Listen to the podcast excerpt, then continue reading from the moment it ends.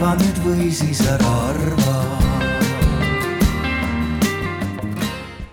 tere hommikust! mul on tõeliselt hea meel, et te olete otsustanud laupäeva hommikul kell kümme tulla just haridusalale. ja ma mõtlesin, et kuidas ma selle teema sisse juhatan ja siis mul oli paar päeva tagasi võimalus mõelda omaenda sotsiaalsetele oskustele ja kui, kui head need on. sellepärast, et minu parim sõbranna Margot, kes on seal, tere Äh, küsis mult, et kas selle kakskümmend pluss aasta jooksul, mil me oleme olnud sõbrad, et kas meil on olnud suuri tülisid. Äh, ja noh, kas me oleme üldse tüli, tülitsenud väga ja siis me leidsime, et tegelikult ei ole. ja see põhjus, miks ta küsis seda, oli see, et ta oli oma lapsega mänguväljakul ja kuulis seal kahte teismelist äh, rääkimas ja üks küsis teiselt, et või õigemini ütles teisele, et kui sul ei ole friendidega kunagi tülisid, siis sul ei olegi real friend'e. ja, ja siis meie küsimus oli, et noh, et kas meie oleme real friend'id äh,, arvestades, et me ei ole väga tülitsenud. ja, ja ma siis sealt edasi mõtlesin, et, et kas minu sotsiaalsed oskused on siis nii head, et kas ma üldse nagu tülitsen väga inimestega, kas ma oskan konflikte väga hästi lahendada või pigem äh, täiesti väldin neid konflikte. Aga jah, ma hakkasin nagu mõtlema omaenda äh, sotsiaalsetele oskustele ja täna me oleme siin, ma loodan, et te teate, selleks, et, et rääkidagi sotsiaal, sotsiaalsetest oskustest, peamiselt kooli ja, ja hariduse kontekstis. ja minuga koos on siin Merle Maimjärv Mirka, kes on klassiõpetaja Uhtna põhikoolis ja Noored Kooli neljateistkümnenda lennu osaleja. jah Äh, siis on meil siin Elina Malleus äh, Kotšekarov, kes on Tallinna Ülikooli hariduspsühholoogia dotsent. ja Endel Hango, kes äh, on koolitaja ja suhtlemistreener. ja mina olen Kärt Lehis, ma olen Noored Kooli kommunikatsiooni ja värbamise spetsialist ja olin ka äh, Merle äh, lennukaaslane, nii et ka kaks viimast aastat äh, olen peamiselt äh, töötanud õpetajana. aga selleks, et äh, me kõik tunneksime ennast hästi vabalt, soovin ma anda sõna kohe teile ja ma palun kõikidel teil, meil on, Eveliinal seal on mikrofon ja kõik saavad mikrofoni, ma palun, et te ütleksite oma nime ja, ja lühidalt võib-olla ühe asja, et kuidas te tunnete, et te olete täna selle teemaga seotud et kas te olete võib-olla õpetaja, lapsevanem või, või, või kui te tunnete, et võib, võib-olla ei olegi konkreetselt selle teemaga, et mis te teete, et me saaksime teada, kes meil on siin kuulamas. tere hommikust, äh, Imre on nimi. Äh, ma töötan sellises suures keemiatööstusettevõttes nagu Silmet ja mul on seal palju kolleege, kellega ma pean läbi saama ja, ja asju ajama ja vahel äh, kuigi nad mulle ei allu, mul on vaja, et nad midagi teeksid. ja siis, kuidas ma saan neid seda tegema panna ja neid asju prioritiseerida. Need on need raskuspunktid. tere, Katrin olen, Viljandi gümnaasiumi õpetaja. ja teemavalik on hästi oluline, ma tahaks aru saada, miks nad ei räägi, kui ma mõtlen, et nad võiks rääkida. aitäh tere, mina olen Angela ja olen karjäärikoordinaator ja ka õpetaja Kiili gümnaasiumis mm. -hmm. ja loodan siit igasuguseid nippe saada, et siis äh, oma kooli õpetajaid toetada. sest suhtlemisoskus on ka üks äh, karj-, karjääripädevus mm. -hmm. tere, Maili olen, ma õpin praegu alushariduse pedagoogiks ja töötan ka lasteaias ja ma näen, kuidas nii väikestel juba tegelikult tulevad mingid käitumisprobleemid või nad ei oska lihtsalt suhelda. ja noh, minu meelest see on nii oluline, et see juba nii väiksest vanusest nagu areneks normaalselt ja hästi ikka.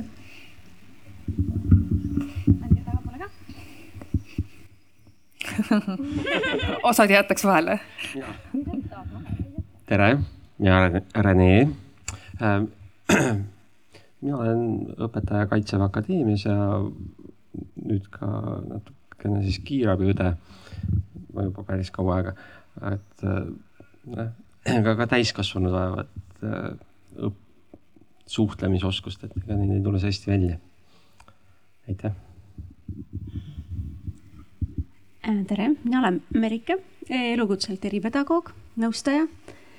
ja mind see teema puudutas, et sellepärast, et äh, ma kuulen nii teesti, kui et isegi lasteaeda oleks vaja sotsiaalpedagooge ja koolides on sotsiaalpedagooge puudu ja et mis nende sotsiaalsete oskustega siis on, et me vajame spetsialiste eraldi neid, neid oskusi õpetama, et mis meil siis toimub et nice, mis kuuleb hmm,? mina olen Miia ja äh, ma lõpetasin põhikooli, ma lähen nüüd gümnaasiumisse et uued inimesed on vaja mm -hmm. sotsiaalseid oskuseid suhelda, jah. tere, ma olen Maris. Äh, ma arvan, et ma tulin siia inspiratsiooni saama, sest et äh, ma olen, töötan Tehnikaülikoolis ja mu ülesanne on seal äh, tudengitele aidata mõtestada juhtimist ja arendada endal juhtimisoskuseid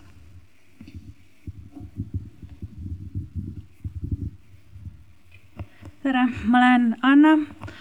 Äh, ma olen terve elu haridusega seotud kuidagimoodi, sest äh, ma hetkel plaanin magistrisse kandideerida lähiajal ja ma töötasin tugiisikuna ka koolis. ja minu meelest on nagu suhtlemisoskused päris olulised, sest mind ennast huvitab väga psühholoogiaga. tere, mina olen Matilda, ma olen gümnaasiumiõpilane ja ma lihtsalt arvan, et suhtlemisoskused on nii igapäevane teema, et ei oleks mingit põhjust, miks mitte siia tulla. väga õige. Äh, tere, Maarja. mina olen täna siin eelkõige lapsevanemana, et äh, järelpõlv hakkab peale kasvama ja need on väga aktuaalsed teemad ja võib-olla on hea ka enda jaoks reflekteerida natukene, mis oma minevikus toimus ja kuidas seda, kuidas leppida mingite asjadega ja endaga rohkem rahu teha tere, Siim, samuti lapsevanemana siin. Tere, mina olen Toomas, ma õpetan Elva gümnaasiumis ajalugu ja ühiskonnaõpetust ja, ja tunnen, et tahaks, tahaks ise suhelda paremini, aga, aga tõepoolest, et, et igas minu tunnis oleks ka suhtlemisoskused kuidagi sees ja arendatavad ja ma täpselt ei tea, kuidas seda teha ja väga tahaks teada. Ja tere, Arno. Kohtla-Järvel kah ajalugu ühiskonnaõpetaja ja sarnaselt Toomasele ka, et kuidas enda tunnis paremini neid suhtlemisoskusi välja tuua?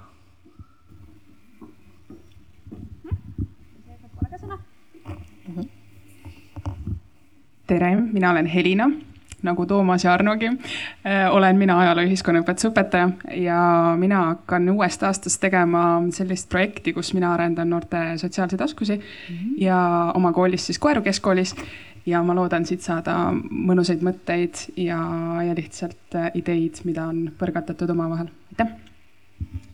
nii, tere, mina olen Jetta, mind toodi lihtsalt täna siia kaasa, aga sotsiaalsed oskused on eks igal pool tähtsad ja kindlasti saab täna teada, kas mul on real friend'i või ei ole. Tere, ma olen teenusedisainer ja seoses oma käimasolevate projektidega äh, olen mõelnud, et kui tugipersonali ongi koolides vähe, et kas saab siis kuidagi teisiti, äh, ma ei tea, tekitada mis iganes suhtlemisvormid, kus äh, mingid osad saaks juba kaetud ilma tugipersonalita. tere, mina olen Aime.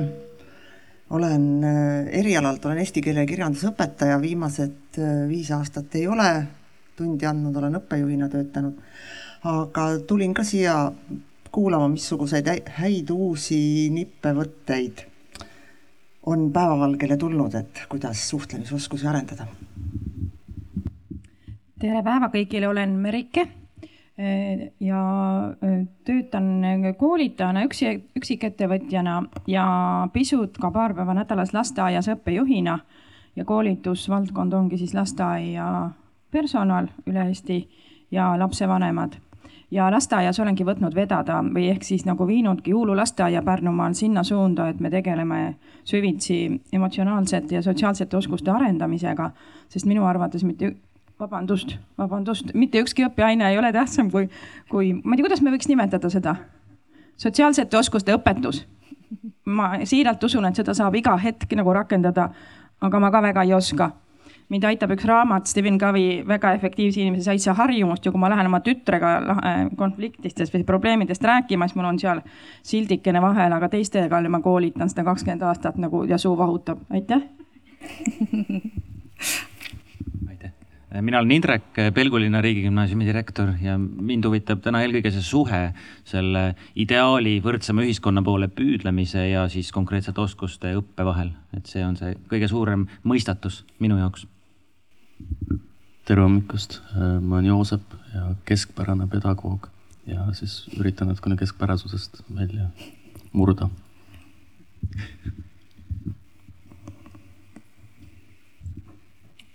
minu ülemus. tere hommikust, mina olen Triin, töötan igapäevaselt Haridus- ja Teadusministeeriumis. tõepoolest pean riigikoole, nagu ka kott ütleb jumala eest ja siit tahan võtta täna kaasa palju, palju häid mõtteid, mida viia tagasi, tagasi majja ja mida päriselt siis meie koolides saab ära teha koos meie, koos meie inimestega. kas keegi on veel tutvustamata?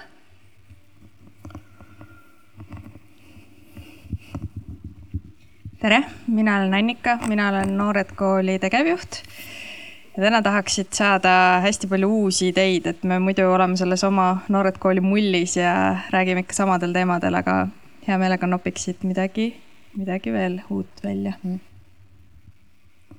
see oli siis minu ülemus, Indrek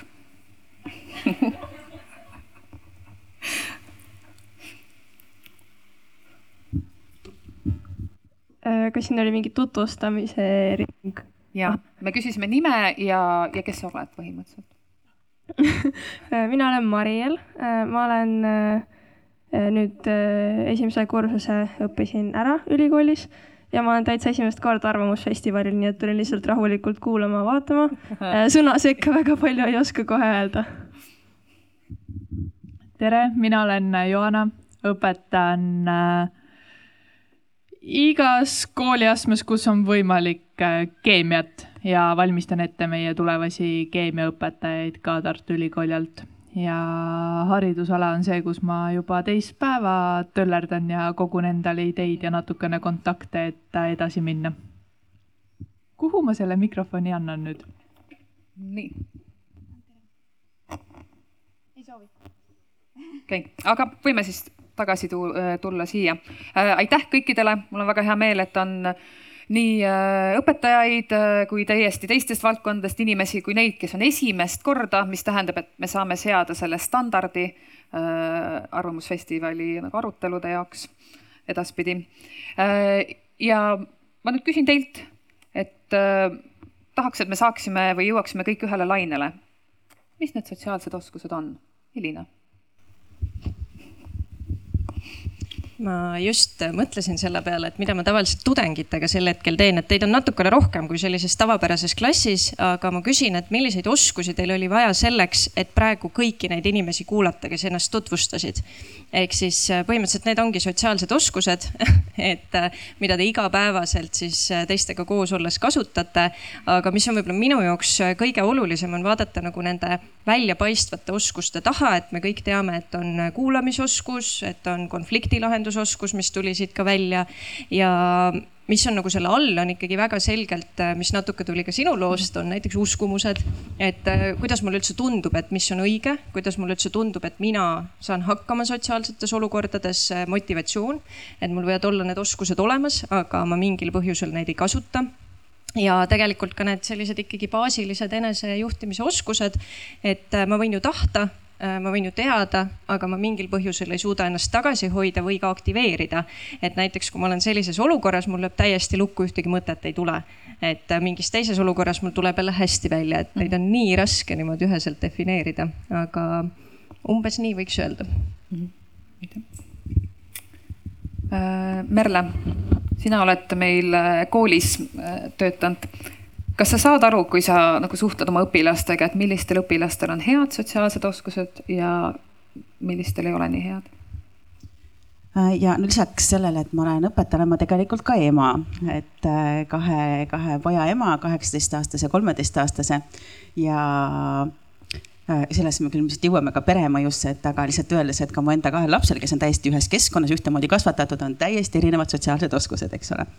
et ja saan aru oma õpilaste puhul äh, ka ja mulle hästi meeldis, et tuli välja siit enne, kes oli lasteaias, et äh, kuidas juba lasteaias tegelikult on näha ja nii ka mm -hmm. alustav õpetajana minu jaoks oligi võib-olla esimeses klassis hästi üllatav, et äh, sotsiaalsed uskumused ehk ka see enesemääratluse äh, osa, et kui äh, Äh, kui erinevad olid väike, noh, väikeste sotsiaalsed oskused ja tõesti see eneseusk, äh, et, äh, et see oli küll nagu üllatav mm. -hmm.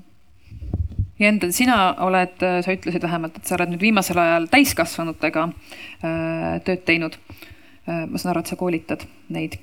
kuidas sulle tundub, kas inimesed, kes tulevad sinu juurde täiskasvanud, kas nad arvavad, et neil on head sotsiaalsed oskused või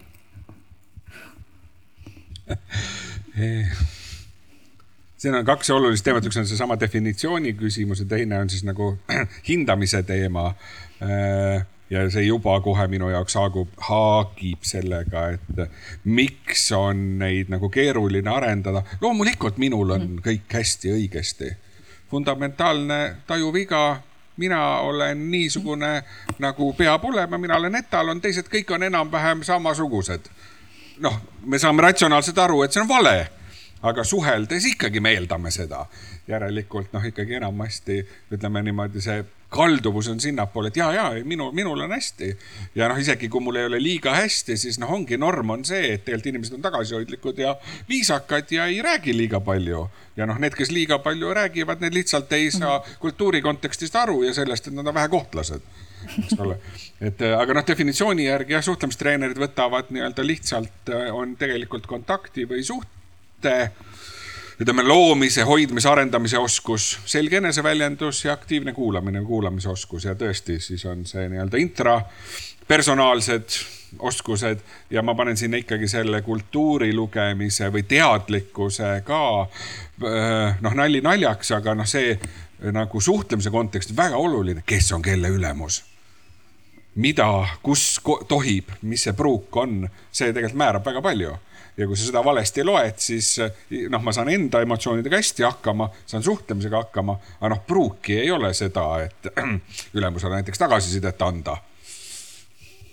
siis noh, tegelikult ma ikkagi fail in täiega okei okay,, me juba jõudsime selleni, et ja Elina ka minu arust mainis, et, et kuidas neid oskusi arendada.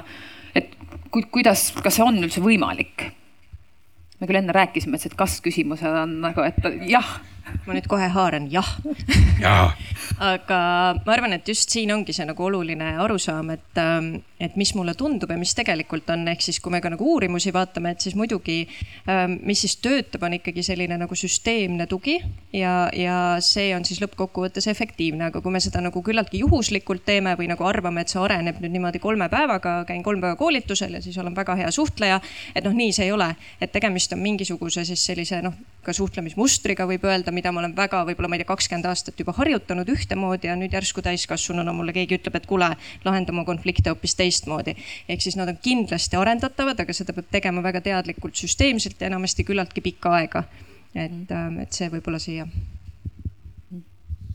jah, ma tahaks lisada jah, et, et mida me enne ka arutasime, et ja et tegelikult ju jah, on küll, on ju võimalik, et aga seda ei saagi teha nii-öelda ühes konkreetses kohas, vaid ikkagi kogu see keskkond, kes on äh, Äh, ütleme, kas noore või ka täiskasvanu, noh täiskasvanu eas on võib-olla juba natuke raskem, aga mitte kindlasti võimatu, et aga ikkagi ja tõesti alates juba seal kodust, eks ole, lasteaiast, koolist, et, äh, et ja see süsteemsus tõepoolest, et ja kui me enne arutasime, et, äh, et see lapse kooli, nii-öelda ta see koolikeskkonnas veedab aina rohkem nagu aega ja kui me rääkisime sellest võrdsemast ühiskonnast, eks ole, et siis tegelikult on, on ikkagi jah, sellel koolil hästi suur roll ja vastutus.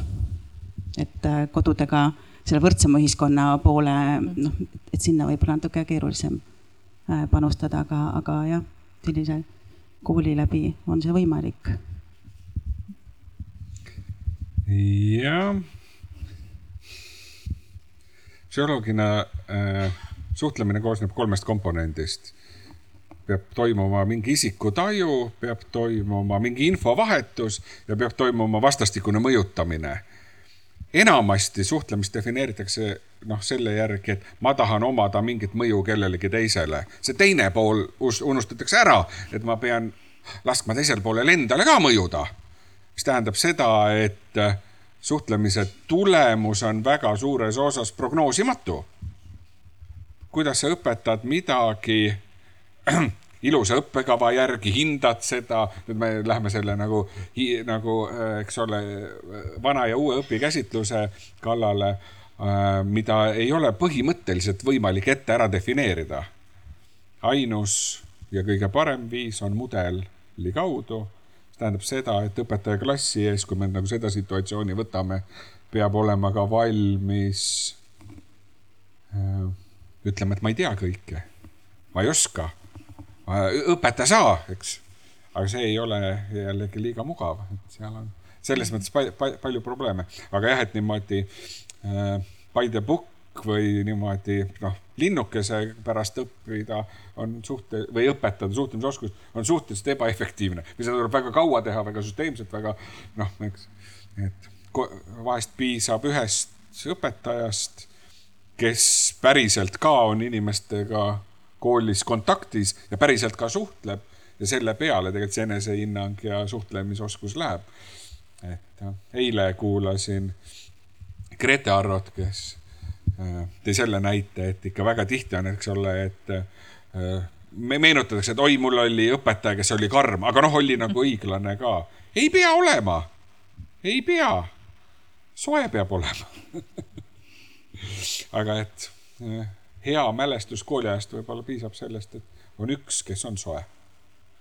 aga kujutage ette, kui nüüd kõik oleks Elina, sina vist oskad ka öelda, kuidas uuringud, et noh, see eeskuju, see eeskuju osa lihtsalt mind jäi kõnetama hästi, et tegelikult ma ei ole väga palju neid uuringuid lugenud, aga nii palju, kui ma olen, et siis see eeskuju osa on seal hästi äh, välja toodud, aga sul on kindlasti niisugune suurem vaade selles osas. ma hakkasin siin just selle peale mõtlema, et see, et me peame nagu aru saama, et, et see soojus on hästi selline nagu üldine mõiste võib-olla, et mhm. ja hästi sageli ka õpetajad tulevad ja ütlevad, et noh, et, et minust ei saa kunagi õpetaja, sellepärast et noh, ma ei ole sihuke soe ja tore. et muidugi, kui sul on nagu eeldused olemas, aga ikkagi noh, nüüd uurimused näitavad, et kui me nagu väga selgelt ikkagi õpetame mingisuguseid nagu süsteemseid oskusi, siis need ikkagi nagu arenevad ka neil, kellel varasemalt need võib-olla nii hästi välja ei tule. ja et minu meelest see on nagu hästi oluline teadmine, sest muidu on väga lihtne võtta see seisukoht, et noh, et, et mina olengi see kuri ja karm õpetaja, aga ei, tegelikult sul on mingil põhjusel need asjad selliselt selgeks õpitud ja sa saad õppida ka natukene teistmoodi suhtlema. aga mina olen hästi veendunud ka selles, et ka neid teadmisi on vaja, et sa pead ikkagi õpilastega arutama selle üle, et noh kui sa oled lihtsalt eeskuju, nad ei pruugi sealt nii-öelda koguda seda enda jaoks vajalikku infot, aga nad peavad nagu aru saama, et kuidas on näiteks hea konflikte lahendada. miks me arvame, et just sellisel viisil tehes see on sulle kasulikum. et kõik need nagu sellekohased teadmised, et muidugi see võiks tulla õpetaja kaudu, kes arutab õpilastega olukordi. aga nagu kui ta lihtsalt seal klassiruumi ees on hea õpetaja, siis ma nagu arvan, et see ei ole liiga efektiivne, et ikkagi need õpilased peavad tegema ka mingisuguseid tegevusi öö, omavahel, mis siis aitavad nende oskustel areneda et, äh, et tõenäoliselt see on selline kombinatsioon ja ikkagi nendes programmides, mis on efektiivsed, et seal ongi nagu põhimõtteliselt kõik need komponendid olemas. et äh, lapsed saavad siis nii-öelda, et õpetajad saavad tuge selles, et olla hea tugi ja, ja samas lapsed saavad teha ka mingisuguseid konkreetseid selliseid harjutusi, mis aitavad neil siis äh, enda oskusi arendada ja see tagab ka natuke rohkem selle, et need nagu oskused ei jää ainult sinna klassiruumi, vaid see on väga suur väljakutse ju, et, et kuidas nagu noh, et, et kool on väga oluline, aga samas nagu sealt koolist väljaminek on ka oluline, et kuidas nagu seda tagada. väike kommentaar mm, -hmm. et noh, jah, see, see on see, et tegu loeb.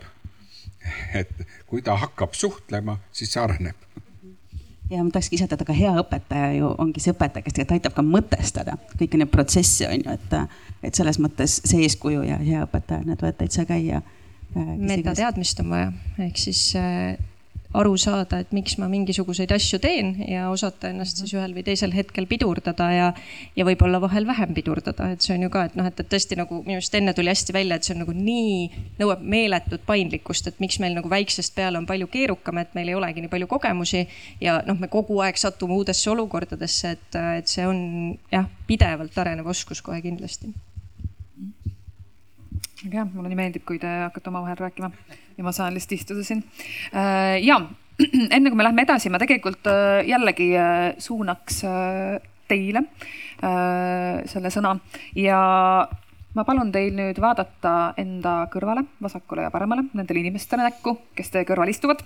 ja, ja teeme sellise paarides, paari kolmeminutilise arutelu ehk see inimene, kes sinu kõrval on Äh, mõelge koos ja, ja jagage üksteisega näiteid olukordadest, kus äh, head sotsiaalsed oskused on, äh, te võite nüüd mõelda, kas siis kooli edule või ka võib-olla edule muus elus on aidanud kaasa või siis vastupidi, kus just kehvade sotsiaalsete oskuste tõttu on, on tekkinud probleeme.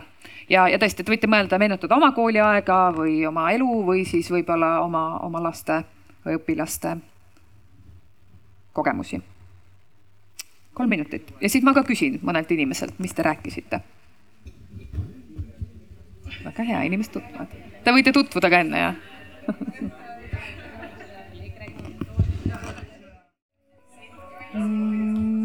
nii. näen, et inimesed veel räägivad, aga nüüd te lõpetasite, mõtle kui huvitav äh,. väga hea äh, võtaks paar, paar mõtet. mis te kuulsite üksteiselt? mis, nii, et Evelina tahab rääkida, aga tal on mikrofon ah,. ei, Kristo ei taha, sest inimesed lehvitavad, aga nad lehvitavad mulle lihtsalt isiklikult okei okay,, Toomas, Toomas, mis sina rääkisid? kui hea on, kui on tuttavad publikud. Ehm, me, me rääkisime sellest, et kuidas äh, et, et elus on võimalik nagu niimoodi liikuda, et, et sul, sul ei ole võib-olla neid hetki, et jess, et sellel hetkel sotsiaalsed oskused aitasid mind, et mingi edukogemus. aga, aga samas, kui sul, kui sa hakkad järele mõtlema, sa leiad neid olukordi, kus aa, et selles olukorras ma sain hakkama või selles olukorras ma ei saanud hakkama. näiteks ma ei lõpetanud ülikoolis mingit eriala, sellepärast tegelikult, et mul ei olnud sotsiaalseid oskusi, ma hoidsin omaette ja ma ei teadnud, mis toimub ja siis äh, lõpuks ütlesin endale midagi muud, mitte seda, et mul on kehvad sotsiaalsed oskused, vaid ma ütlesin, et mulle ei sobi see eriala ja liikusin edasi. nii et äh, lihtsalt, et, et kui hakata siin vaatama, siis igal pool on need sotsiaalsed oskused, meile tundus äh,. üksikinimestega suhtlemisel, töökollektiivis ja kus iganes, et, et tegelikult mõelda, et ilma nendeta saab hakkama, siis isegi töö, mis on täiesti üksinda istumine, ei, ei pruugi see olla võimalik tegelikult, sest ikka need olukorrad tulevad kuskilt sisse. aitäh. aitäh nii. ma panin endale mõned nimed ka kirja muidu, et eh,.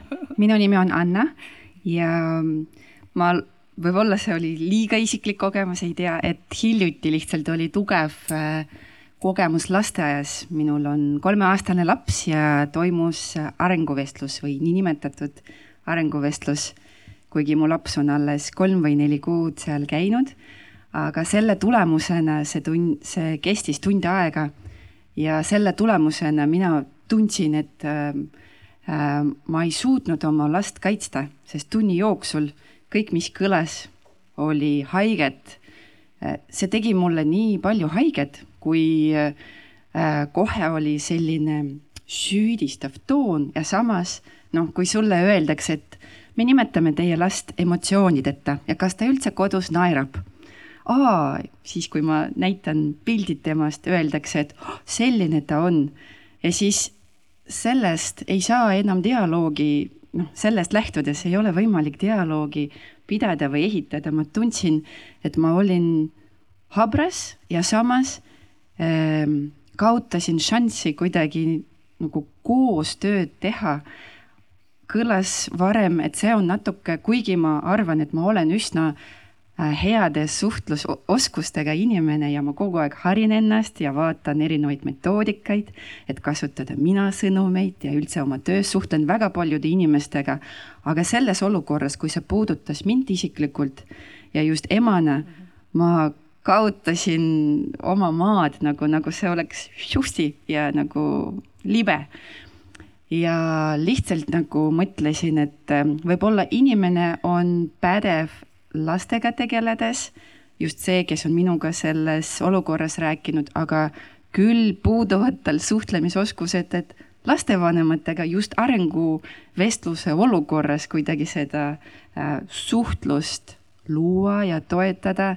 suur küsimärk äh, minule isiklikult, aga ka professionaalidele, et mis siis toimub ähm, jah, asutustes, kus suhtlemine on nii oluline ja, ja justkui sina lapsevanemana tunned, et ähm, mul ei ole ausalt öeldes see, mis ma ütlen sellele isikule, ma ei tea, mis mõjuga pärast on see minu lapsele seal lasteaias, kui ta jääb sinna. et see on jälle see natuke võim, mis kõlas siin, et, et selles olukorras ma ei tundnud võrdsust.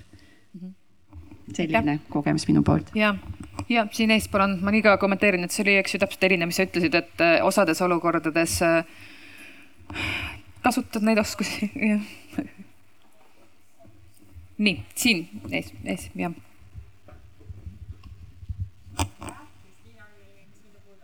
ei kuule, nii, nüüd kuulen kõike.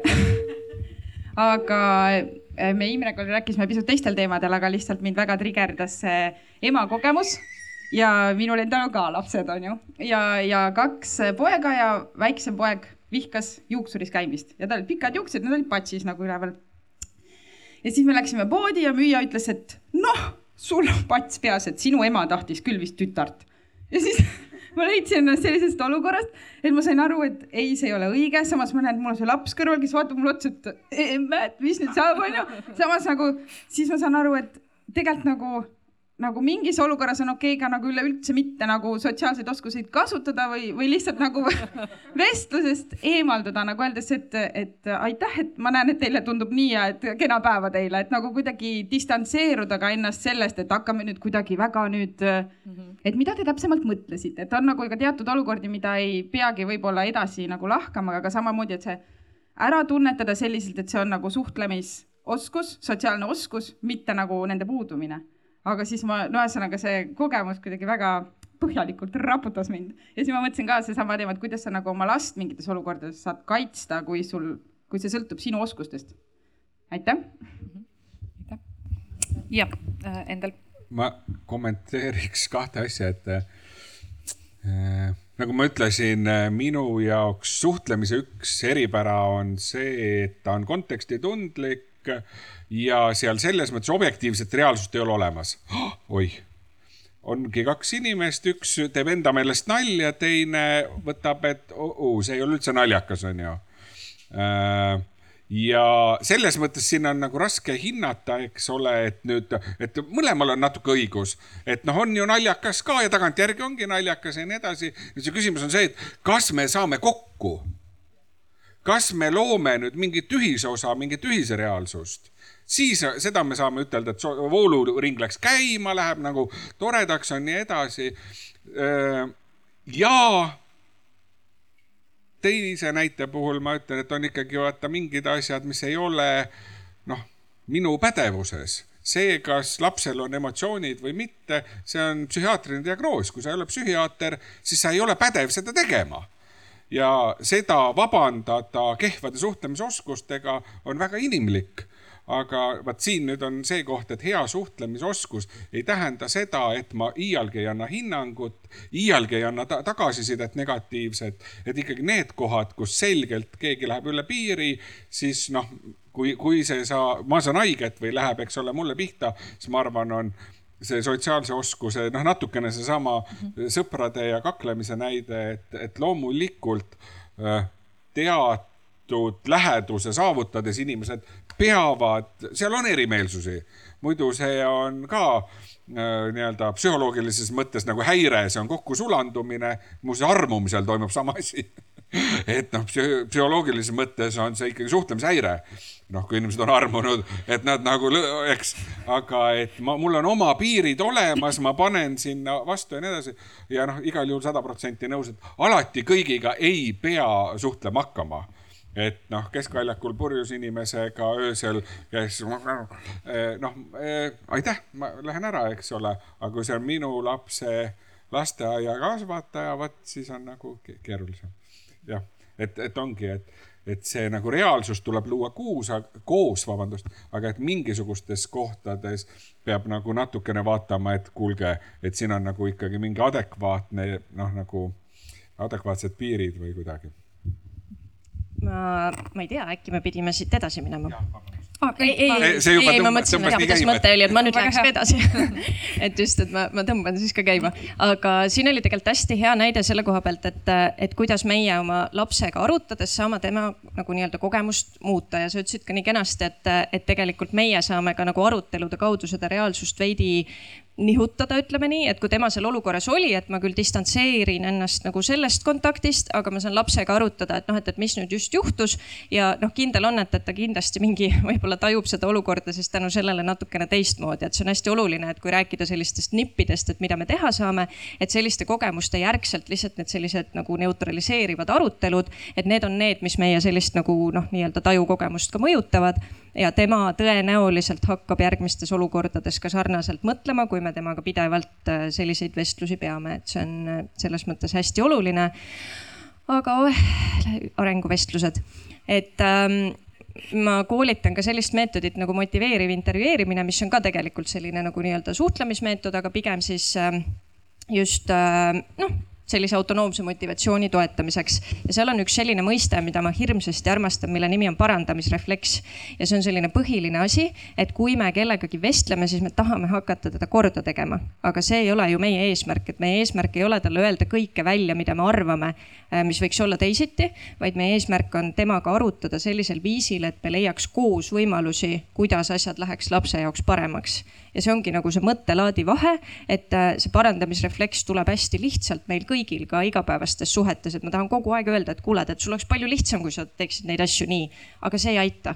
et äh, me peamegi mõtlema, et mis minu suhtluses aitaks seda olukorda parandada ja seetõttu aeg-ajalt ma otsustan äh, sekkuda, aeg-ajalt ma otsustan mitte, et see ongi see paindlikkus, mis on hästi oluline jah, ega mul väga palju ei olegi lisada, aga tõesti, mul on ka lapsevanemana sarnane kogemus äh, ja, ja olles nüüd ise alustav õpetaja, siis hästi teadlikult äh, üritan luua ise teistsuguseid kogemusi, alates ka sellest, et üldse nii-öelda keskkonna loomis, kuidas vestlus nagu toimub. aga tõepoolest, et äh, läbi positiivse ikkagi jõuda koos ühiste lahendusteni. aga, aga jällegi jah, ei, las ta jääb praegu, aga aga jagan seda tunnet ja me oleme juba selles mõttes rääkinud nii äh, koolist, lasteaiast, äh, vanematest, et ähm, noh, kui me võtame konkreetselt kooli, eks ju, siis meil palju räägitakse sellest, et äh, õpetajatel on väga suur koormus, ma olen ise olnud õpetaja, ma tean, kui kaua võtab aega ühe eesti keele tunni koostamine. Ja kui ma siis tahan sinna panna veel need head õppemeetodid ja mõelda sotsiaalsetele oskustele, et, et noh, et siis tundub nagu, et midagi peab välja jääma ju ja et, et, et kus see nende oskuste arendamine, kus see tasakaal peaks olema? mis, kes, kes mida peaks tegema? ja kui palju? ma enne siin, kui me nii-öelda ennast soojas soo,, soojaks rääkisime, siis mõtlesin ka, et, et kes vastutab, siis nagu see mõte kohe läheb sinna, et oh, järelikult keegi kuskil ei vastuta, vaata. või keegi vastutab rohkem et noh, minu peas see küsimus on ikkagi see, et kõik vastutavad kogu aeg täie rauaga niipea kui me hakkame jagama vastutust, siis läheb kellegi pealt see ära. okei okay,, mille eest? ma vastutan enda käitumise eest, selle eest, mida mina teen, kuidas mina mõjun ja nii edasi. loomulikult on ideaalmaailmas see, et on meil kogu aeg igasuguseid tugisid ja karke kõrval, kes aitavad ja toetavad. ja, ja heal juhul ongi äh, ma arvan, et seda ei, ei tule iial. ehk et noh, ma ei, ma ei oska nagu, nii kui me lähme nagu mehaaniliseks jagamisega, ma arvan, see on ummiktee. protsendid panema täpselt just, nagu just. mingi kolmkümmend kodu, nelikümmend kool.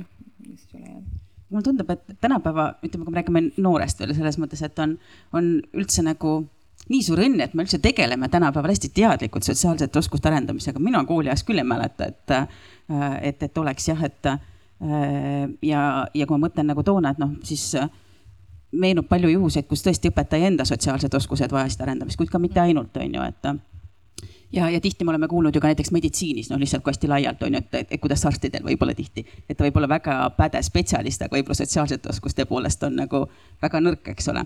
et, äh, et aga ja, et tänapäeva noor selles mõttes on äh, kuidagi eelistatud seisus, et me räägime sellest, me tegeleme sellest, meil on väga palju häid efektiivseid programme, millest Elinagi oskab äh, rääkida, et äh, et, et kindlasti on jah, et koolil, aga mitte ühe aine põhiselt, vaid ikkagi läbivalt, eks ole aga, aga tõesti ka see koduroll, et tõesti kõik see nii-öelda siis inimest ümbritsev keskkond, et see vastutus ikkagi lasubki kõigil ja tõepoolest see ekseldamine ei vii vist väga kuhugi ma ütleme ühe kommentaari veel, et ma arvan tõesti, et kõik vastutavad ikkagi selguse mõttes. see, et äh, suhtlemine on keeruline ja emotsionaalselt äh, võtab rohkem aega, ei võta. lõppkokkuvõttes igal juhul sa säästad aega et pärast hiljem tagajärgede ja jamadega tegeleda, noh, ennetamine on alati lihtsam, eks. ma arvan, suhtlemisel täpselt samamoodi jah, ja võtan siin nüüd õpetaja perspektiivi, et äh, ma tegelikult saan väga aru, et äh, miks õpetajad ennast, ma mäletan, kaks tuhat üksteist oli see aeg, kui me Eve Kikase eestvedamisel siis hakkasime tegelema üldpädevuste mõõtmise ja arendamise ja kõikide nende teemadega ja me läksime koolitama. ja meil oli seal terve rida õpetajaid ja siis me läksime hästi entusiastlikult, et oh, vot nüüd on siuksed pädevused, hakkame arendama ja siis nagu tuli esimese asjana, et pole aega, kus need kõik teised asjad. siis mõtlen, appi, ma saangi teist aru et noh, seda on väga palju ja tegelikult küsimus on ikkagi selles nagu õppeprotsessi ülesehituses. et äh, asi ei olegi sellest, et ma nüüd esmaspäeval tegelen, äh, ma ei tea, matemaatikapädevusega, teisipäeval sotsiaalse pädevusega, kolmapäeval äh, kodanikupädevusega. et küsimus on selles, et kuidas ma mõtlen oma selle iga tunni läbi nii, et mul on seal kuidagiviisi siis sisse põimitud nii-öelda pädevuste arendamine. et ma arvan, et minu enda peas on see nagu natuke selline fookuse nihe võib-olla, et kas ma nagu nii-öelda loon õppeprotsessi pädevuste jaoks ja, ja samas õpetan mis iganes ainet või siis ma nagu mõtlen teistpidi, et kuhu ma selle aine sisse nüüd selle nii-öelda pädevuse panen, et seda saab ka teistpidi mõelda, et näiteks noh, tõesti inimeseõpetusse need äh, sotsiaalse pädevuse teemad sobivad rohkem, kodaniku või, või nii-öelda ajaloo teemadesse sobivad need ka väga hästi, aga ka matemaatikaõpetajal on võimalusi, et ma nagu iseenda aine kontekstis, vähemalt see on see, mida ka nagu maailmas nüüd püütakse leida võimalusi, et kuidas süsteemselt iga aine kontekstis siis neid äh, pädevusi õpetada. et äh, need programmid on väga efektiivsed, aga sageli nad ei ole võib-olla selle ainetunniga nii palju seotud ja seetõttu ka õpetajal tekib tunne, et ma ei tahagi seda võtta endale, sest see on lisakoormus. Aga kui me leiaks rohkem viise, et kuidas ka niimoodi väga süsteemselt igas ainetunnis äh, neid asju arendada, siis ma arvan, et see taandub sellele õppeprotsessile et äh, kuidas ma siis seda tundi üles ehitan ja kuivõrd teadlikult ma tegelikult neid tegevusi teen. et äh, õpetajana siis, et, et nii on natuke lihtsam vist mõelda ka. noh, ütleme mulle ka koolis alati tundus, et et kui mu õpilastel oleks paremad sotsiaalsed oskused, kui ma keskenduksin neile, siis tegelikult oleks kõikide muude asjade tegemine, eesti keele õpetamine palju-palju lihtsam. et, äh, et see tegelikult mõjutab tohutult, tohutult kogu seda klassikeskkonda nägin nüüd uuringut, äh, kus leiti, et viie kuni kümneaastase töökogemusega õpetajate õpilased saavad äh, paremad sotsiaalsed oskused. et kuidas, kuidas meie õpi-, õpetajate tase üldse on, oskavad nad õpetada neid või, või oskavad nad panna neid oskuseid sinna ainetundi? Äh, korda nüüd korra, et viie, et põhimõtteliselt algklassides on siis nagu parem lugu õpetajatega nende. see vist oli see, et viis kuni kümme aastat, kes on töötanud õpetajana, ma lugesin sama uuringut, tundub. okei, mhm. et ühesõnaga mm, ma mõtlen, et, et milliseid gruppe seal võrreldi et, et mul tekib kohe mõte, et, et kuidas on siis noh, et algajaõpetajaga on loogiline, eks, et, et võib-olla ta veel ei ole saanud piisavalt harjutada, aga, aga mis on siis seal kaugemal, on ju, et, et kuidas neid gruppe loodi. et peaks ka lugema seda uuringut aga noh, tõenäoline on, et, et kui sa ikkagi nagu saad ennast käima seal koolis juba, et siis tegelikult sul jääb rohkem aega ka tähelepanu pöörata siis võib-olla sellele tervikule ehk siis nagu autosõiduga, et kõigepealt sa kordad peas sidur, pidur, gaas, sidur, pidur, gaas ja ei näe neid jalakäijaid, kes üle lähevad. aga mingi hetk sa siis hakkad võib-olla seda tervikut paremini tajuma, et, et äkki selles võib tõesti see asi olla. ja, ja teine teema, mis ma enne endale siia kirja panin, et, et noh, et, et see tasakaal, et me loomulikult saame aru, eks ju, et seal kodust tulevad mingid oskused, koolist tulevad mingid oskused ja, ja et see, nende arendamine on elukestev, eks ju, et me kogu, kogu aeg puutume uute olukordadega kokku, aga et noh, samas ka teame, et osad lapsed ei saa kodust nii häid oskuseid ja et nad on palju kehvemas, kehvemas seisus ja, ja sealt tegelikult tuleb ka see meie suurem mõte, et noh, et kas nad loovad võrdsema ühiskonna. kas me saame koolis tasa teha seda, mida nad kodust ei saa? Kas me saame võrdsustada? ma ei tea, võib-olla ma olen naiivne, aga ma usun sellesse hästi sest tõesti, nad veedavad ikkagi koolis hästi äh, palju aega ja, ja, ja tegelikult äh, saab juba alates lasteaiast ikkagi, et äh, ja, ja algklassides ma arvan, et on ka hästi oluline, kui sellega, mulle hullult meeldib Tallinna Ülikooli Meie maailma programm, kus, kus mina oma klassiga osalesin ja meil oli üks vahva teine pilootprogramm, mis oli ka just sotsiaalsete oskuste arendamisele. ja me tegime ka siis katse, me mõõtsime, tegelikult tegime suhtlus- ja enesemääratluspõdevustestid nii programmide alguses kui ka lõpus. ja jällegi, kui sa tegelikult ikkagi hästi teadlikult äh, äh, tegeled nende oskuste arendamisega, siis meie nägime küll positiivseid muutusi. ja, aga noh, natuke ongi kurb, vaata, see ei saa olla selline nagu mingi üheaastane, sest noh, see ongi see, et sa pead ikkagi jätkuvalt sellega tegelema regulaarselt, et väga meeldib, et teil läheb ka programm edasi, et aga jällegi, et see peab olema nagu tõesti, no igas tunnis nii, kuidas vähegi nagu saab, et, et, et siis nad ikkagi kinnistuvad ja saavad nagu omaseks, et, et sellised äh, lühikesed sutsakad, et need võib-olla ei ole nii efektiivsed, aga, aga ja ma arvan, et koolil on hästi suur roll selles ja saab nagu küll toetada jah, ja kui rääkida nendest programmidest, siis isegi aasta on liiga lühike aeg, et selles mõttes me peame nagu tõesti tajuma seda, et me tahame kõike hästi kiiresti.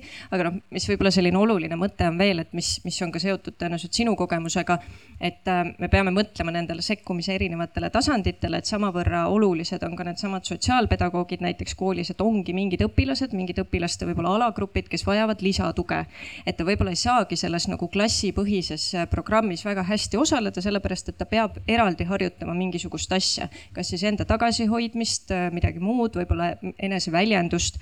et äh, noh, mulle tundub, et see on ikkagi et efektiivne on see nii-öelda see terve kooli lähenemine või inglise keeles whole school approach, ma täpselt ei teagi, kuidas seda tõlkida.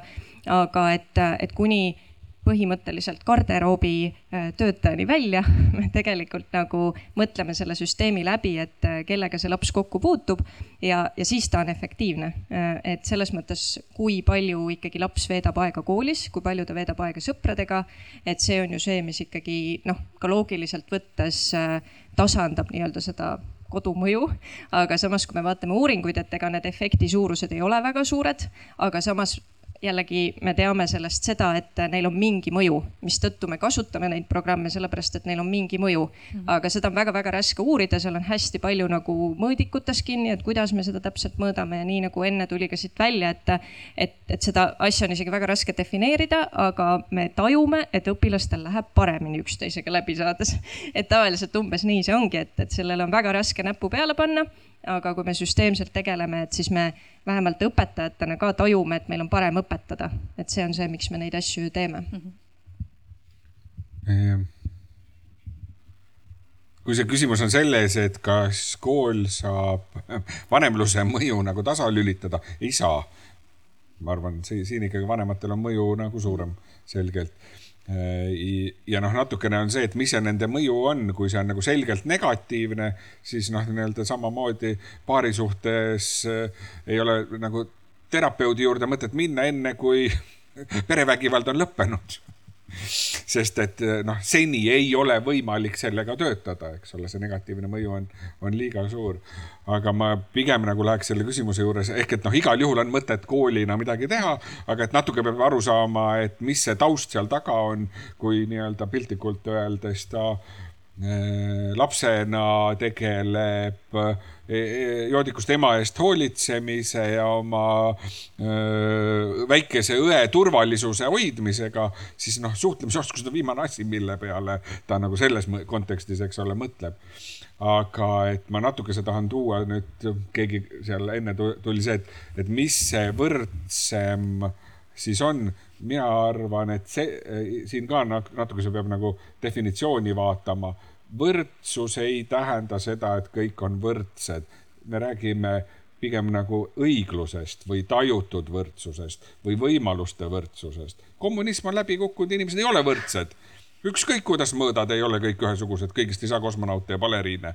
et noh, see, see ja ei saa kuidagi saama ka ja see ei ole ka taotlus, see küsimus on ju selles, et mina saaksin selles näiteks klassikeskkonnas äh, emotsionaalselt hakkama, et ma tunneks, et ma olen selles mõttes või ka siis nii-öelda võtame sellesama kujundava hindamise konteksti, et ma teen endale kohase pingutuse. kõigist ei saa. Ei ole, võrdsus ei ole selles mõttes äh, nagu objektiivne võrdsus ei ole nagu see eesmärk, aga et mõju meil on kindlasti. Ja see hetk, kui me selles hakkame kahtlema, me ei tee tegelikult oma osa ära.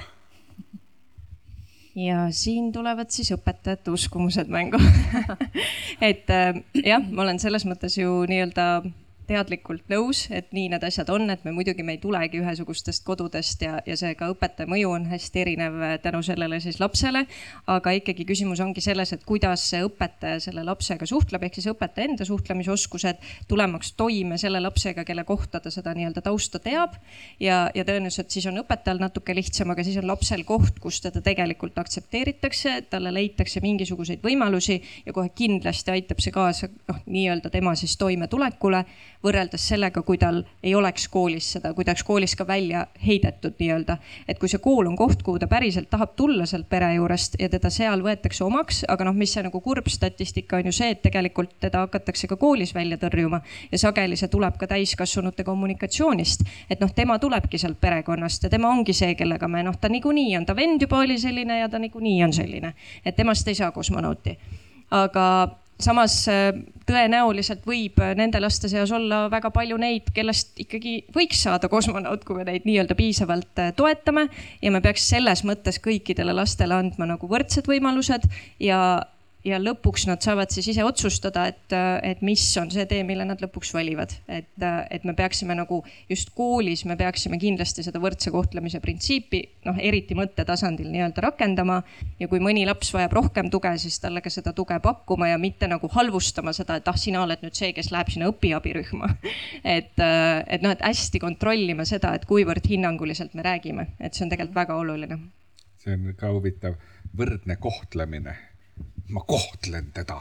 aga see on ka ikkagi dialoogiline protsess, ma arvan, hästi oluline, et mida ta ise tahab, kus tema fookus on, mis ta mm. -hmm jah, sa mainisid Elina õpi, õpiabi, ma nii mäletan, kui ma, õpilased pidid minema õpiabisse, et see oli nende jaoks kõige jubedam asi üldse. mul oli nii kahju neist, ma sain aru, et see oli nagu toeks neile, aga lihtsalt nagu süda jooksis verd, et nad peavad õpiabisse minema. jah, seal oli, jah.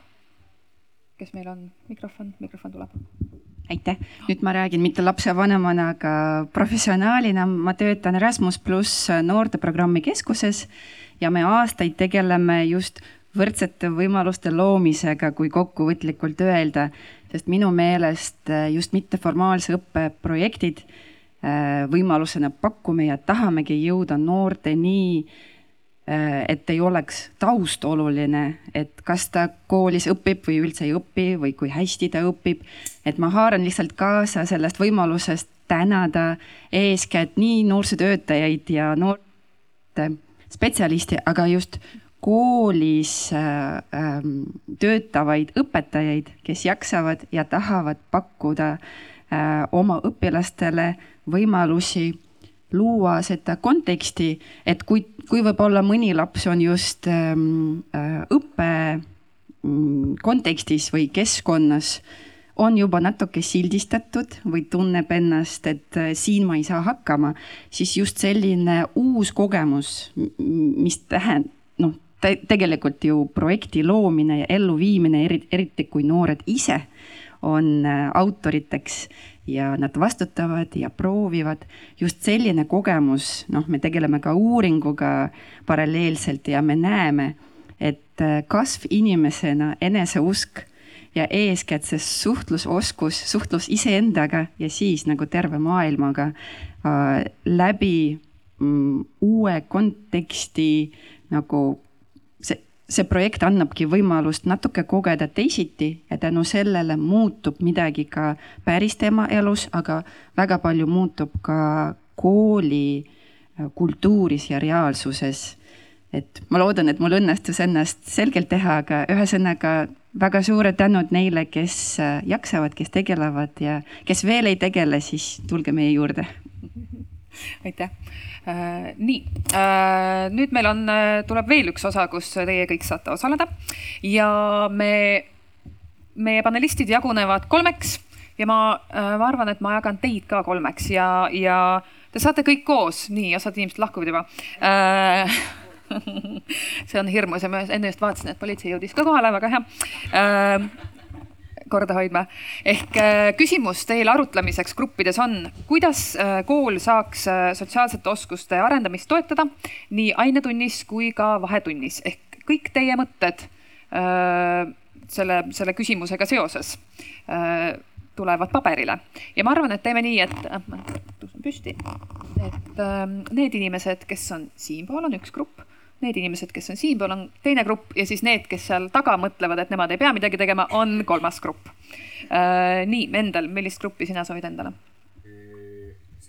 nii, siin on Endel, see on äh, Elina ja, ja Merje võtab siis seal kolmandast, kus ma vaatan, on väga palju tuttavaid inimesi juba. väga hea äh,. meie panelist tuleb teie juurde, tal on paber, teie mõelge siis sellele küsimusele, kuidas kool saaks sotsiaalsete oskuste arendamist toetada nii ainetunnis kui ka vahetunnis. mida te juba teate, et tehakse mis on teie enda mõtted, mis tundub, et noh, et kindlasti peaks. Äh, ja, ja te võib-olla hakkategi, saate mingi äriidee endale siit. ja siis me pärast kuulame ka, et äh, mis te mõtlesite. ja kritiseerime, kui, kui, kui, kui olid täiesti kohutavad ideed. ja ma arvan, et me võtame kümme minutit selleks kõigepealt. väga hea. nii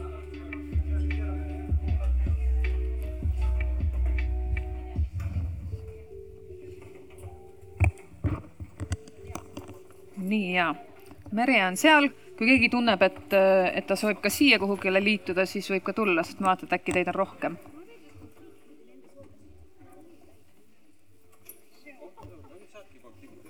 väga hea, meeldivad konfliktid. sa võib selle kirja panna, et koolis võiks nagu tekitada konflikte.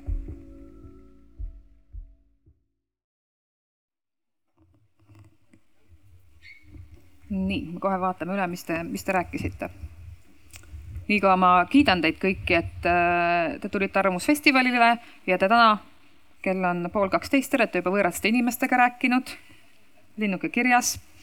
nii et kui täna midagi muud nagu äh, kasulikku ei tee, siis oli juba väga hea päev.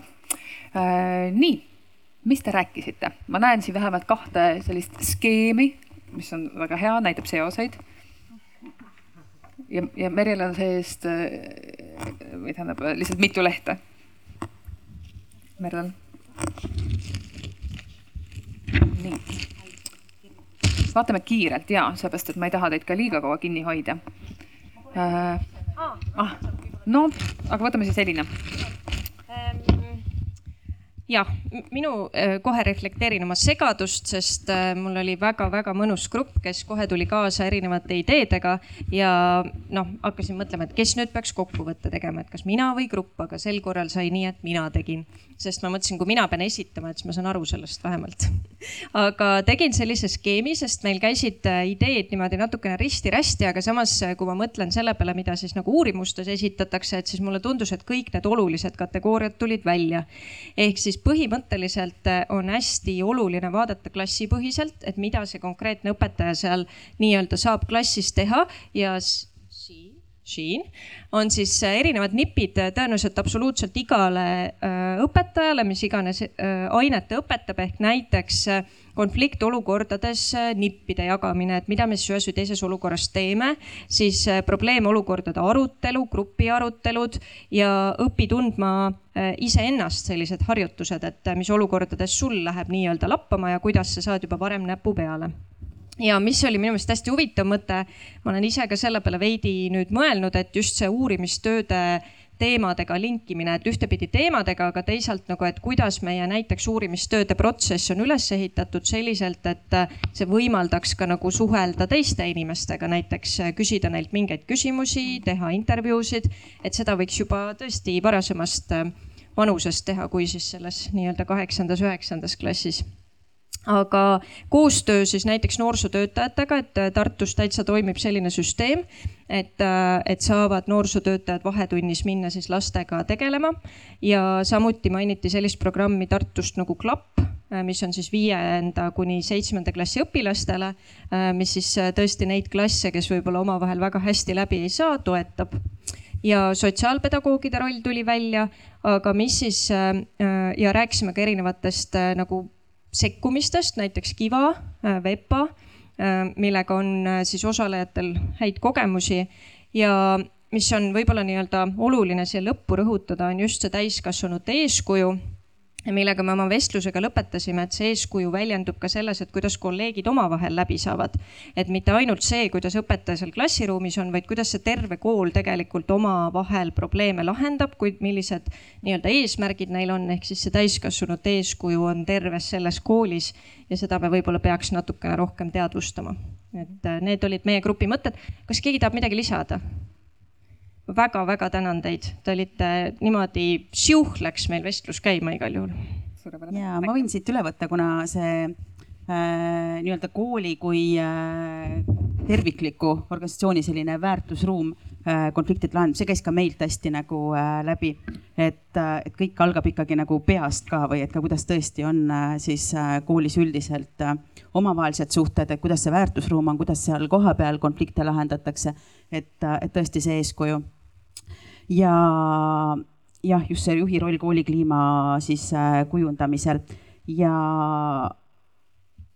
ja nutimaailmas, meil ühte põnevasse kohta tegelikult jõudis meie see vestlus, et räägime kogu aeg sotsiaalsetest oskustest on ju nii-öelda siis äh, reaalselt, aga tegelikult on nad nii olulised ikkagi ka virtuaalses maailmas, mis on nagu praegu noh, see on nii suur nagu osa.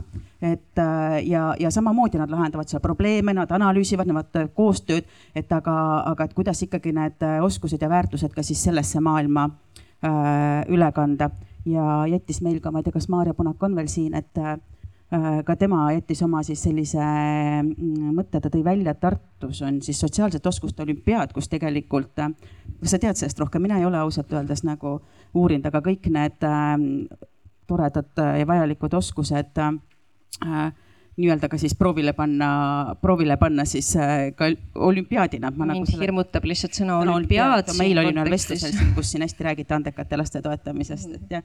väga palju asju toimub Tartus nagu siin. Äh, aga ja, aga ja, et, äh, et, et tegelikult tõepoolest see, kui räägime kooli kontekstis, siis ikkagi see ühine väärtusruum, et ja, ja eeskuju, et kui need on ikkagi nii õpetajate vaheliselt juhtkonna tasandil paigas, siis, siis nad jõuavad klassiruumi ka ja, ja ma ikkagi noorsootöö taustana toon ära, mida ma enne üldse ei peatunud, et, ja noorsootööl on ka tegelikult hästi, et kõigil ei ole võib-olla koolis tõesti täna veel mugav, et aga siis noorsootöö on ka see, kes ikkagi väga palju võib äh, toetada ja aidata kaasa sotsiaalsete oskuste arendamisele, et, et need jah, niimoodi ühiselt koos ja saab küll võrdsema ühiskonna poole. No ikka meil oli ka väga hea grupp. Parim. Aga et oli üldisemaid mõtteid, mis siit juba on läbi käinud ja hästi konkreetseid, ma kommenteerin nelja asja, võtan välja, võtan selle äh, õiguse.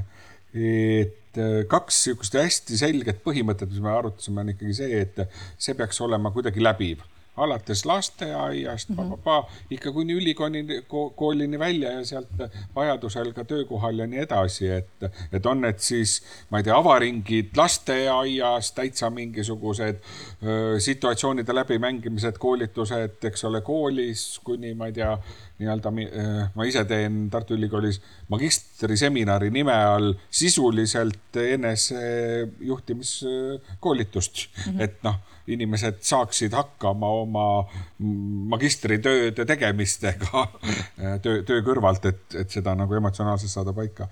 ja teine asi on ikkagi see, et see kool eh, lisaks infrastruktuurile, majale, rauale, betoonile eelkõige peab pakkuma emotsionaalset keskkonda. Ehk et inimene on, peab olema seal kuskil keskel ja, ja mis oli minu meelest nagu huvitavad mõtted, kuhu me nagu lõpuks tagasi jõudsime, on ikkagi see, et kogu selle salakaubanduse juures, et me peame nagu olema integreeritud ja mitmekülgselt ja õpetaja see meetod juba, eks ole, ise ikkagi vahest on päriselt vaja teha, võtta üks tund sotsiaalsete oskuste arendamiseks. Ja täitsa nagu nimetadagi asju õigete nimedega ja päriselt siis seda äh, relevantsi adresseerida ja kuidagi teistpidi ka, et see äh, ühtepidi on, eks ole, vahend, sotsiaalsed oskused ja suhtlemisoskused aga et ta ei tohi minna eesmärgiks omaette, et mingi tasakaal peab säilima. selle juures ka, et noh, kõik asjad maailmas ainult ei ole nagu selle kaudu või selle loomulikult saab selle kaudu seletada ja seostada ja nii edasi, aga kui nagu rõhk on ainult sellel, siis lõpuks läheb ka nagu fookus paigast ära. et see, see minu meelest oli nagu huvitav mõte mm. -hmm. aitäh. Äh, nii, meie aeg hakkab kohe otsa saama. Äh, minu arvates need kokkuvõtted, mis te tegite, olid head kokkuvõtted äh, ka meie teema jaoks. ja ma viimase asjana küsin, kuna äh, te olete selle teemaga nagu nii läbi imbunud, ütleme nii, äh, siis mis oli see, mis te sellest tänasest vestlusest kaasa võtate enda jaoks?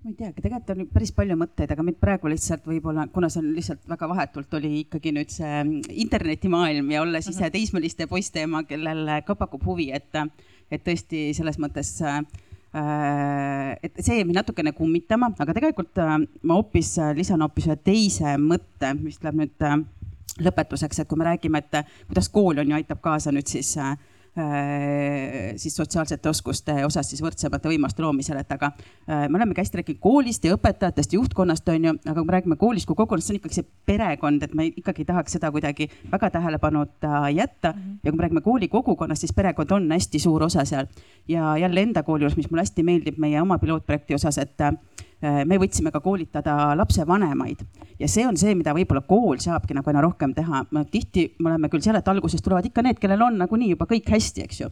aga mida pikemalt me noh, muutused võtavad kaua aega, et see on selge. Äh, aga, aga ja, et see, see lapsevanemate kaasatus ja, ja ka nendele võimaluste pakkumine, et, et küll tulevad ükskord need ka ehk, kes, kes muidu väga ei tule, aga, aga siis meil on jälle see, see kandepind nagu suurem ja tugevam, et Äh, ehk siis jälle, mis muidugi ühest küljest tähtsust, toob see kooli olulisust veel rohkem, et aga, aga, aga ma loodan, et koolid kuidagi jah, võtavad ka lapsevanematele suurema fookuse, mitte ainult siis, kui mure on, vaid ikkagi siis, et me koos nagu teeksime selle, oleksime, oleksime nagu koos oma laste heaolu ja oskuste arendamisel. jah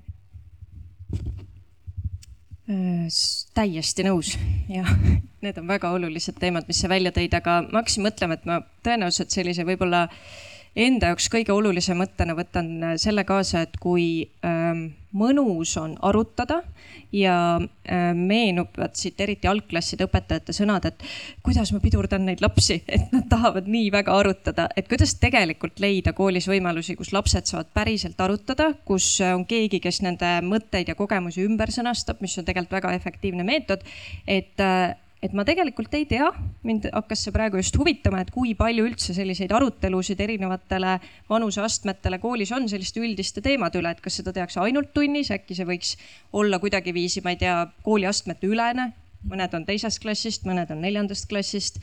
et äh, selliseid võimalusi lastel omavahel mingitel teemadel rääkida, et, äh, et see võiks olla üks väga vahva meetod. jah. ma ikka mõtlen enda peale, et kas ma olen normaalne noh, ikka inimesed mõtlevad. ja siis ma saan aru, et see peamine asi, mis ma ikka kaasa võtan, on see, et minu jaoks konflikt, vastuolu on igapäevane asi, millega ma nagu töötan, noh, vahendajana või psühhoterapeudina. siis kui ma ku, ku, panin tähele, eks ole, ma ütlen, et, et noh, võrdsus ei ole mingisugune asi. publikum jääb vait ja see on see koht, kus ma jälle nagu teadvustan, et, et minu meelest äh, need süsteemsed lahendused on väga head, lõppkokkuvõttes asi on igas personaalses inimeses endas kinni ja selles, et kuidas mina suheldes ennast, kas ma tunnen mugavalt või ebamugavalt või kus minu piir on või, või see, et sihuke ta taaskohtumine mm. -hmm. aitäh Äh, ma võtan ka väga palju asju kaasa, lisaks ühe asjana selle, et tuleb nagu panna inimesed rääkima. ja, ja mul on nii hea meel, et te olite valmis selleks ja, ja osalesite. aga ka see, et, et noh, et need sotsiaalsed oskused on tõesti lihtsalt kõik kõige, kõige alus, et, et kui me nagu neid arendame, siis mingid muud asjad ka noh, eriti koolis võivad tulla palju kergemini Äh, nii õpilaste kui ka õpetajate jaoks. Äh, aitäh! Äh, tõesti suurepärane, et äh, teid ka järjest liitus juurde äh, selle aja jooksul, kui me siin olime. kuna väljas on selline palavus, päike paistab, te olete mõnusalt varjus telgi all, siis te võite jääda siia ja kell kaksteist alustab kutsehariduse teemaline arutelu. vot nii, aitäh teile. selge see, et ega kõike teha.